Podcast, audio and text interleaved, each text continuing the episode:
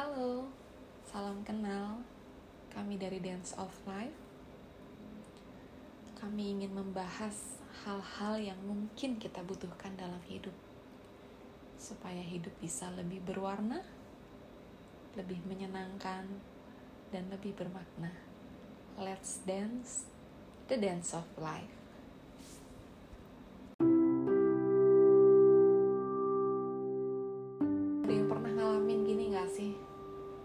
Punya konflik yang kayaknya tuh berkepanjangan, gak selesai-selesai dengan pasangan.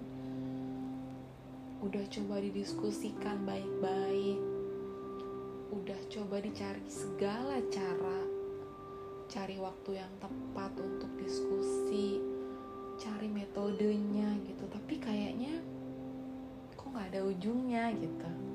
Dan konflik semakin meruncing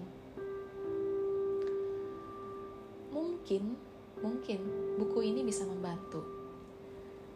Jadi um, kami akan membahas buku yang berjudul The Seven Principles for Making Marriage Work. Judulnya aja udah keren ya. Jadi buku ini ditulis oleh Bapak John M. Gottman. Beliau adalah seorang research scientist terkait dengan pernikahan dan keluarga. Beliau juga merupakan psikoterapis dan telah menerbitkan lebih dari uh, berbagai karya tulis, terutama mengenai keluarga dan pernikahan. Sebagai koautornya ada Nan Silver yang merupakan editor dari sebuah majalah. Oke, okay, um, kita langsung bahas mengenai bukunya ya. Jadi um, Bapak John M. Gottman ini selaku psikoterapis, beliau menangani berbagai pasangan yang quote unquote bermasalah atau kurang puas dalam pernikahannya. Di buku ini beliau ceritakan bahwa sebelumnya beliau terfokus pada menangani masalahnya nih. Kalau orang berantem gitu ya pasangan berantem ribut biasanya gimana sih? Nada tinggi saling egois gitu ya. Dan seperti psikoterapis lainnya beliau menyarankan untuk mengubah cara ketika berdebat dengan pasangan ketika bertengkar dengan mereka menyebutnya dengan active listening. Jadi active listening itu biasanya gini. Kalau misalnya kita komplain, biasanya kita gini ya suka gini. Kamu sih selalu deh pulang kerja malam terus. Nyebelin. Ngapain aja sih? Gitu ya. Nah, para psikoterapis di sana biasanya menyarankan untuk melakukan listening dengan pertama mengubah cara melakukan komplain dengan cara fokus pada I. Jadi fokus pada saya gitu. Jadi gini, misalnya mau mau komplain bahwa suaminya kerja malam, uh, kerja pulang malam dengan cara kayak gini. Saya sedih sekali pulang larut malam. Saya merasa kesepian ketika kamu tidak ada di rumah. Nah, jadi fokusnya pada perasaan kita, bukan menunjuk-nunjuk pasangan bahwa dia salah, dia tidak peduli, gitu. Jadi sebelumnya Bapak Paul, Bapak John M. Gottman ini menyarankan seperti itu gitu. Tapi kemudian beliau dan tim membuat sebuah eksperimen atau observasi. Mereka menyebutnya love lab. Jadi love lab itu gini. Mereka mendesain sebuah tempat, sebuah apartemen fabricated gitu ya, didesain senyaman mungkin dan mereka mengundang beberapa pasangan kalau tidak salah sekitar 50 pasangan gitu masing-masing pasangan diberikan waktu untuk berada di sebuah apartemen tersebut berlaku senormal mungkin dengan setiap kegiatan pergerakan mereka itu direkam. Jadi ada kamera ada bahkan mereka dicatat juga nih detak jantungnya, tekanan darahnya, suhu tubuhnya. Jadi bukan hanya diamati gesternya gitu, tapi gimana sih secara fisik apakah ada perubahan ketika berinteraksi dengan pasangan gitu. Dan beliau melihat bahwa wah ternyata untuk pasangan-pasangan yang tidak puas gitu. Jadi ada sampel-sampel pasangan itu yang tidak puas dengan pernikahannya itu ketika berdebat ketika bertengkar itu cepat sekali detak jantung mereka meningkat. Bisa juga tekanan darahnya naik gitu ya. Nafas mereka menjadi lebih cepat dan lebih pendek gitu. Jadi gak ada santai-santainya gitu ketika mereka berdebat. Beliau baru memahami bahwa oh kayaknya kita perlu shifting nih dari yang tadinya fokus pada pasangan yang bermasalah. Mereka akhirnya merefer pasangan yang bahagia itu kayak gimana sih gitu tertangkaplah pada love lab itu bahwa pasangan-pasangan yang bahagia itu pasangan yang kalau berdebat masih santai. Bukan mereka nggak berdebat tapi mereka santai. Tekanan darah atau detak jantung masih dalam lingkup yang normal gitu ya. Kemudian dipelajari bahwa apa sih gitu intinya pasangan yang bahagia atau pasangan yang puas dengan pernikahannya ini apa? Ternyata menurut buku ini pasangan yang bahagia atau pasangan yang puas dengan pernikahannya adalah pasangan yang bisa membangun sebuah persahabatan yang baik. Jadi mereka itu seperti sahabat.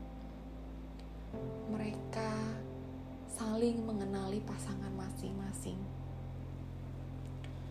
Mereka saling mengetahui kebutuhan pasangan masing-masing, saling memahami titik stresnya di mana, saling memahami kekhawatiran masing-masing itu.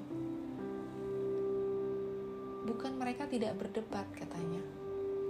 Mereka berdebat tapi dengan cara yang berbeda. Naturally caranya berbeda gitu ya. Jadi nggak dibuat-buat gitu jadi ya, menurut buku ini kalaupun kita mau mencoba menerapkan active listening tadi yang ayo kita ubah nih cara berdebat atau bertengkar kita untuk lebih lebih lebih aktif tadi dengan cara mengubah menjadi saya itu um, itu akan berguna.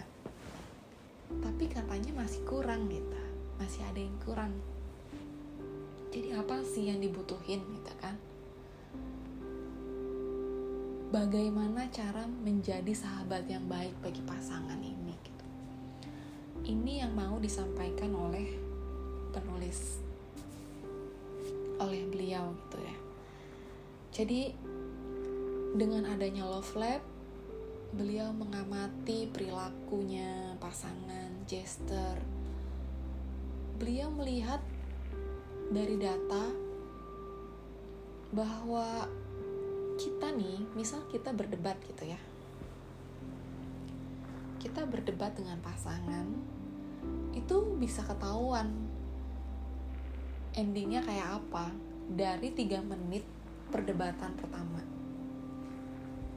gitu. Jadi hmm, lebih kompleksnya lagi bapak Jam ah, bapak John M. Gottman ini bisa memprediksi pasangan-pasangan mana kira-kira yang akan langgeng dan yang akan melakukan perpisahan dalam waktu setidaknya 10 tahun gitu.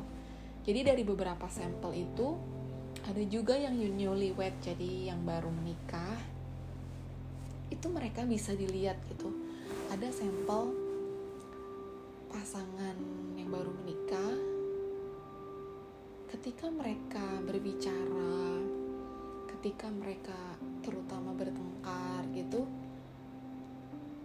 um, apa ya?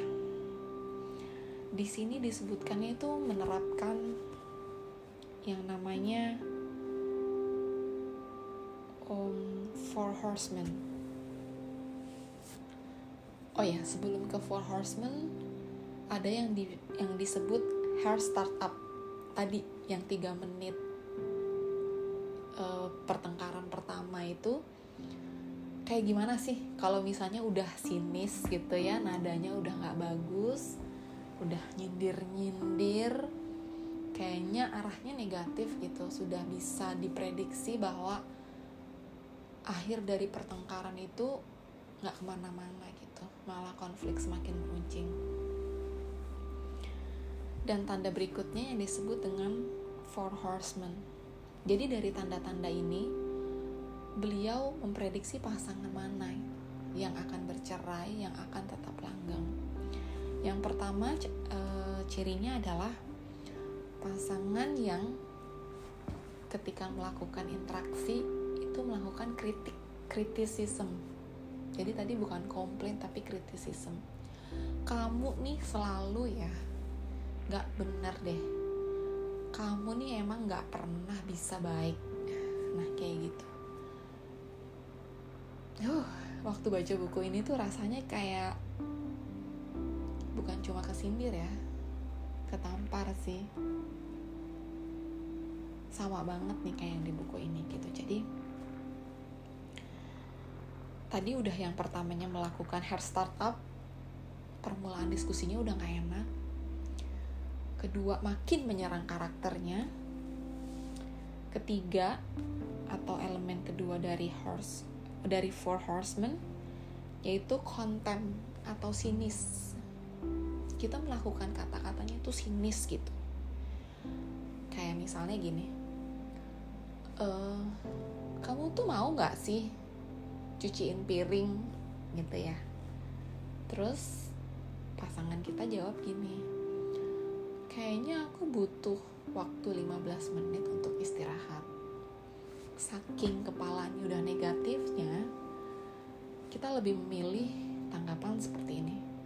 Emangnya dengan 15 menit istirahat kamu jadi semangat nyuci piring? Kamu kan gak pernah nyuci piring. Kamu gak pernah mau ini adalah salah satu ciri dari konten gitu jadi dengan seperti ini tuh um, beliau penulis bisa memprediksi ke mana arah pernikahannya.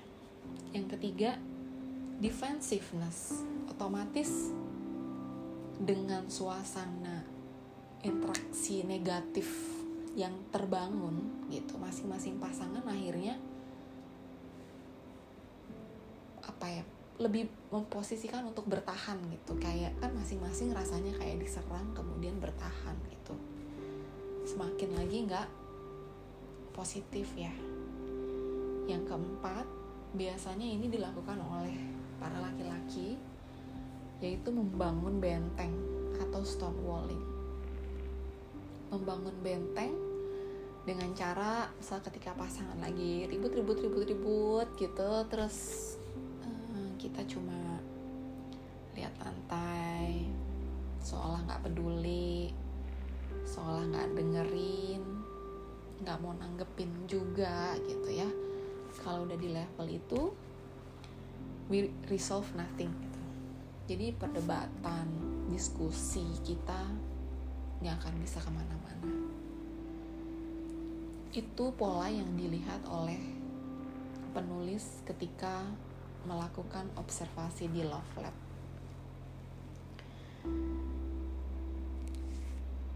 Um, keempat signal ini sebenarnya adalah akibat dari bahwa pasangan-pasangan ini tidak memiliki persahabatan yang baik tadi gitu. Mereka tidak saling mengenal. Jadi ketika ngomong tuh udah kayak orang asing dan udah kayak penyerang gitu ya jadi situasi yang terbentuknya itu negatif gitu. Nah hmm, penulis di situ menitik beratkan bahwa situasi yang seperti ini tuh sangat berbahaya gitu. Bukan cuma kepada psikologi pasangan gitu. Jadi situasi seperti ini bisa membuat depresi, bisa membuat anxiety, tadi berdasarkan pengamatan detak jantung itu lebih cepat meningkat gitu ketika situasi yang terbangun tidak kondusif gitu. Jadi um, in the long run secara jangka panjang akan memberikan efek negatif bagi kedua pasangan gitu. Pertama masing-masing pasangan akan merasakan rasa kesepian ada pasangan yang berusaha gitu, berusaha untuk mencari jalan keluar dari kondisi tersebut. Ada juga pasangan yang kemudian membiarkan untuk berjalan sendiri-sendiri gitu. Um, pasangan yang berjalan sendiri-sendiri ini ya ada juga yang memang berjalan sendiri-sendiri ini menurut beliau, tapi ada juga yang kemudian memilih untuk belok dalam tanda petik selingkuh gitu. Ketika selingkuh sudah terjadi diikuti biasanya dengan perceraian. Padahal penyebab perceraian katanya bukan karena perselingkuhannya, tapi karena tidak adanya persahabatan yang baik tadi gitu. Jadi bukan selingkuh lah yang menyebabkan perceraian, tapi kondisi di mana situasi yang buruk terus terjadi menimbulkan perselingkuhan dan perceraian. Ada juga yang dari um, tanpa perselingkuhan pun bercerai gitu. Nah, si penulis menekankan bahwa um, perceraian pun gitu, terutama perceraian yang nggak smooth, itu sebenarnya sama buruknya dengan pernikahan yang tidak bahagia tadi gitu. Jadi beliau menyarankan bahwa jika memang keduanya nih kedua pasangan masih berniat untuk memperbaiki pernikahan, beliau menyarankan beberapa prinsip, tujuh prinsip di buku ini untuk dilakukan gitu. Di buku ini sih ditulis katanya bisa dilakukan tanpa bantuan terapis tapi mungkin akan lebih baik dengan bantuan terapis mungkin ya. Nah um, beliau melihat bahwa kalau pasangan-pasangan ini terus dalam dunia yang paralel jalan sendiri-sendiri terus fungsinya menikah apa gitu ya. Maka dari itu beliau menyarankan untuk memang misalnya yang nggak bukan menyarankan sih sebenarnya ya mungkin.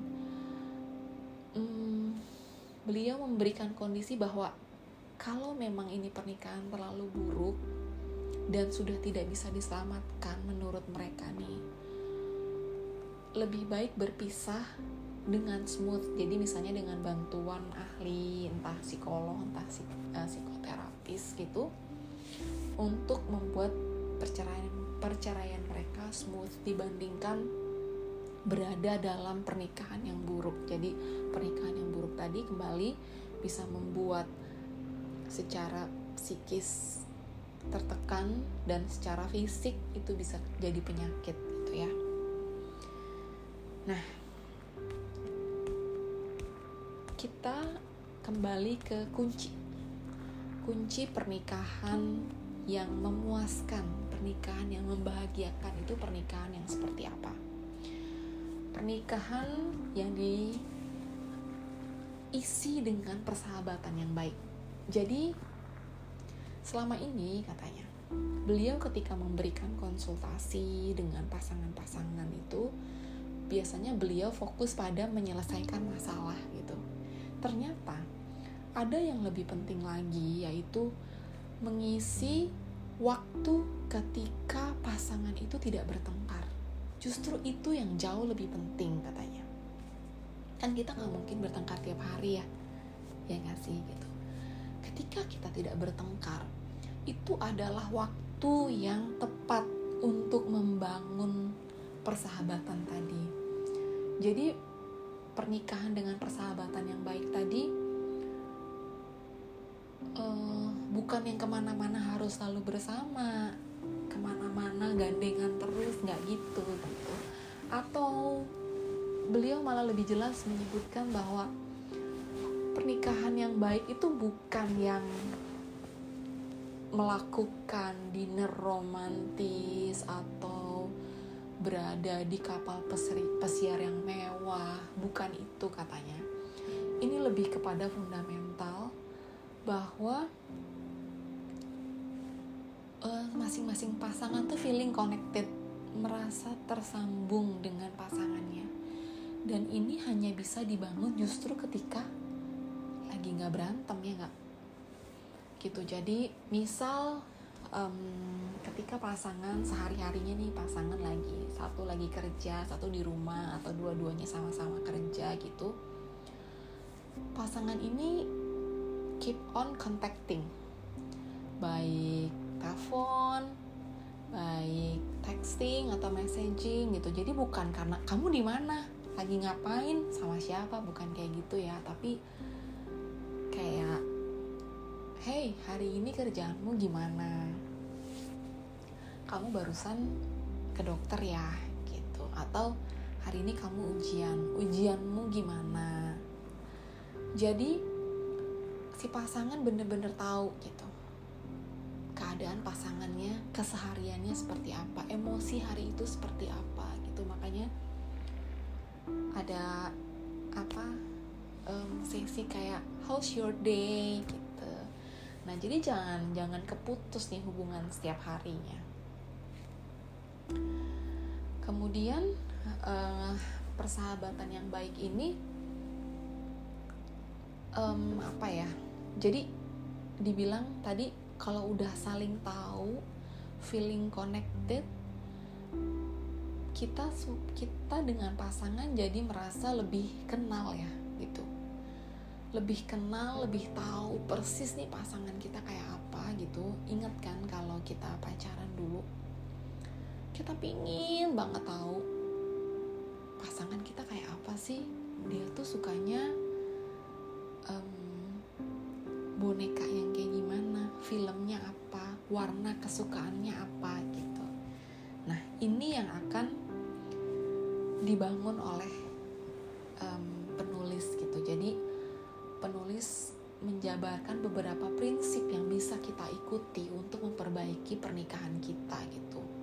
Sebenarnya prinsip-prinsip ini bukan hanya untuk memperbaiki ya, tapi setiap pasangan sebaiknya melakukan effort ini gitu. Jadi aku akan bahas tiga prinsip dulu karena baru tiga prinsip itu yang berhasil aku baca. Nanti akan ada episode kedua ya. Oke, prinsip yang pertama. Prinsip yang pertama adalah enhance your love map. Jadi love map itu apa sih? Love map itu kayak gini. Kita punya data gitu ya punya peta. Pasangan kita itu punya peta. Dan peta itu selalu berubah. Tadinya dia suka warna pink tapi dengan berjalannya waktu bisa berubah warna hitam. Atau yang lebih ekstrim kayak gini misalnya pasangan kita yang kita kenal itu karir woman banget itu. Senangnya kerja.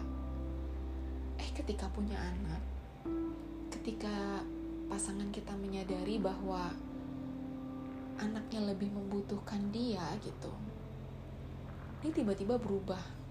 Dia jadi lebih suka di rumah lebih suka bermain dengan anak dia memilih untuk tidak bekerja lagi kemudian atau dari yang suka party jadi nggak pernah party gitu ya. Nah perubahan-perubahan inilah yang perlu diikuti oleh masing-masing pasangan. Kenapa? Karena tadi satu dengan kita mengenali pasangan itu akan membantu kita untuk feeling connected. Kedua jadi dalam siklus hidup kita itu akan ada banyak hal perubahan yang drastis gitu ya. Contoh misalnya pasangan sakit. Tiba-tiba sakit keras atau pasangan um, kehilangan pekerjaannya gitu. Ketika ada perubahan drastis itu biasanya situasi menjadi lebih lebih stressful. Kalau kita tidak mengenal pasangan kita dan situasinya udah terlanjur stres itu akan lebih sulit menjalaninya. Katanya begitu gitu. Menurut buku ini seperti itu gitu. Jadi makanya diharapkan kita sangat mengenali pasangan kita.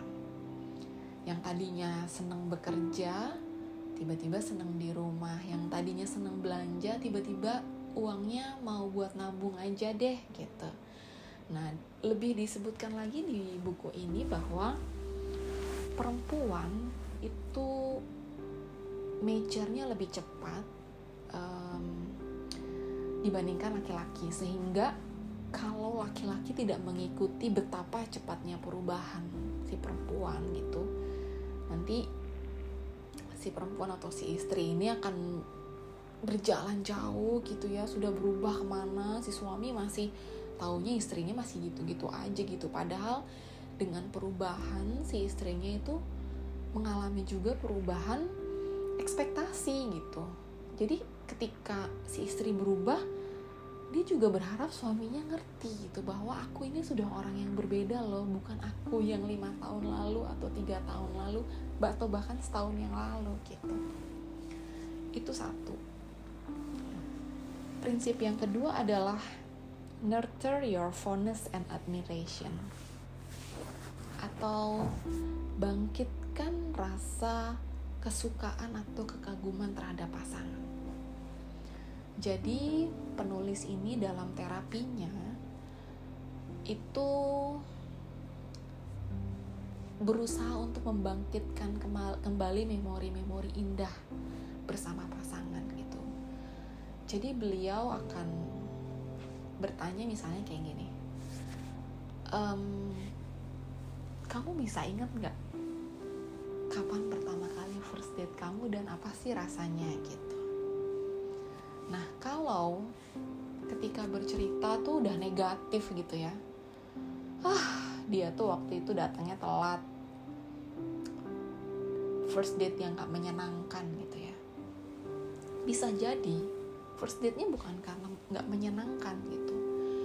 Tapi karena sudah tertumpuk dengan cerita-cerita negatif selama pernikahan, jadi kesannya yang dulu manis itu jelek juga gitu Nah ini yang menurut beliau lebih mengkhawatirkan gitu. Tapi kalau misalnya ada pasangan yang ditanya, ehm, apa sih yang membuat kamu dulu menikahi dia?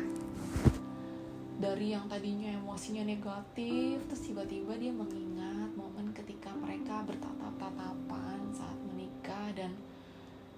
ampun gitu ya.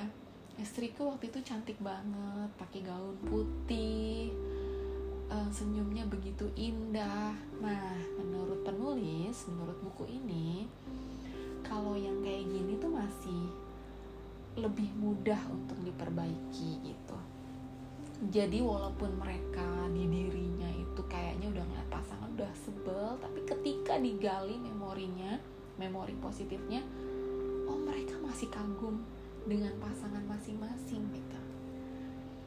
Nah, ini yang perlu kita tumbuh kita perlu memberikan waktu pada kita dan pasangan untuk menggali memori-memori indah itu. Kita bangkitkan lagi gitu. Kita ingat-ingat lagi bahwa orang yang kita nikahi sekarang adalah orang yang pernah kita kejar-kejar dengan segala usaha gitu kita pernah melihat dia sebagai orang yang sangat berarti. Gitu ya. Oh ya um, sebelum pindah ke prinsip berikutnya jadi buku ini di dalam buku ini itu ada guidance pertanyaan-pertanyaannya ya. Jadi tadi yang misalnya untuk enhance your love map gitu itu ada kayak questionnaire gitu dan printable juga. Itu bisa kita print dan kita um, ajukan pertanyaan dengan pasangan misal ya kayak pertanyaannya um, warna kesukaan kamu sekarang apa sih? Siapa temen kamu yang paling dekat sekarang? Titik stresmu di mana? Gitu. Jadi ada pertanyaan-pertanyaan yang hmm, bisa dilontarkan langsung. Ada pertanyaan-pertanyaan yang masing-masing pasangan menulis di kertas kemudian nanti didiskusikan bersama gitu prinsip yang kedua pun nurture your fondness and admiration juga ada juga kuesionernya gitu ya. Jadi sampai pada prinsip kedua ini aku merasa bahwa this is a very very very very very good book. Kita nggak cuma dikasih konsep gitu tapi kita dikasih langkah-langkahnya prinsip yang ketiga atau prinsip yang terakhir pada episode kali ini adalah turn toward each other instead of away nah ini penting nih. Kenapa penting? Kita tuh kalau lagi apa ya lagi um, berada dalam situasi negatif sama pasangan tuh kayaknya pengen pergi gitu ya. Pengen pergi lama gitu kayaknya jauh-jauh deh. Aduh ini energinya negatif banget gitu ya. Sebetulnya untuk mundur sejenak misalnya 15 menit oke okay, 15-30 menit aku menenangkan diri um, mendinginkan kepala oke okay, gitu. Tapi kalau memutuskan untuk berjauhan misalnya hmm, kayaknya aku butuh seminggu untuk nggak ketemu kamu gitu. Ternyata kalau kita menjauhkan dari pasangan itu ternyata lebih memperburuk keadaan ternyata jadi seburuk-buruknya situasi kalaupun kita butuh mendinginkan kepala katanya cukupkan dengan beberapa menit saja. Kemudian setelah kepala dingin, cari lagi pasangannya. Kita selalu bergerak menuju pasangan. Jangan menjauh gitu. Semakin menjauh, semakin tidak menyelesaikan masalah. Jadi um, kuncinya adalah we need to be present with our spouse kita tuh perlu ada di sebelahnya pasangan gitu sekalipun misalnya kalau ditanya sama kita nggak mau kita ada di situ gitu ya. Tapi bagaimanapun itu masih lebih baik bersama gitu. Misalnya peluk-pelukan walaupun udah masih marah gitu tetap akan lebih baik gitu ya. Um, itu dalam situasi ketika bertengkar. Dan ketika tidak bertengkar seperti apa sih gitu kan? Jadi karena kan tadi intinya kita mengisi waktu justru ketika kita tidak bertengkar ya. Kita misalnya sehari-hari kerja ya pulang malam kemudian ada waktu weekend gitu ya sama pasangan. Oke ketika ada waktu weekend sama pasangan misalnya dinner atau lunch bareng jangan fokus sama handphone. Handphonenya disimpan dulu tatap mata pasangan kita. Dengarkan baik-baik pasangan kita. Gitu. Jadi jangan ada sesuatu yang mendistract sehingga menjauhkan baik secara fisik maupun psikis dari pasangan kita gitu. Jadi tadi kuncinya turn toward each other instead of away. berusaha untuk selalu berada di pasangan berada di dekat pasangan.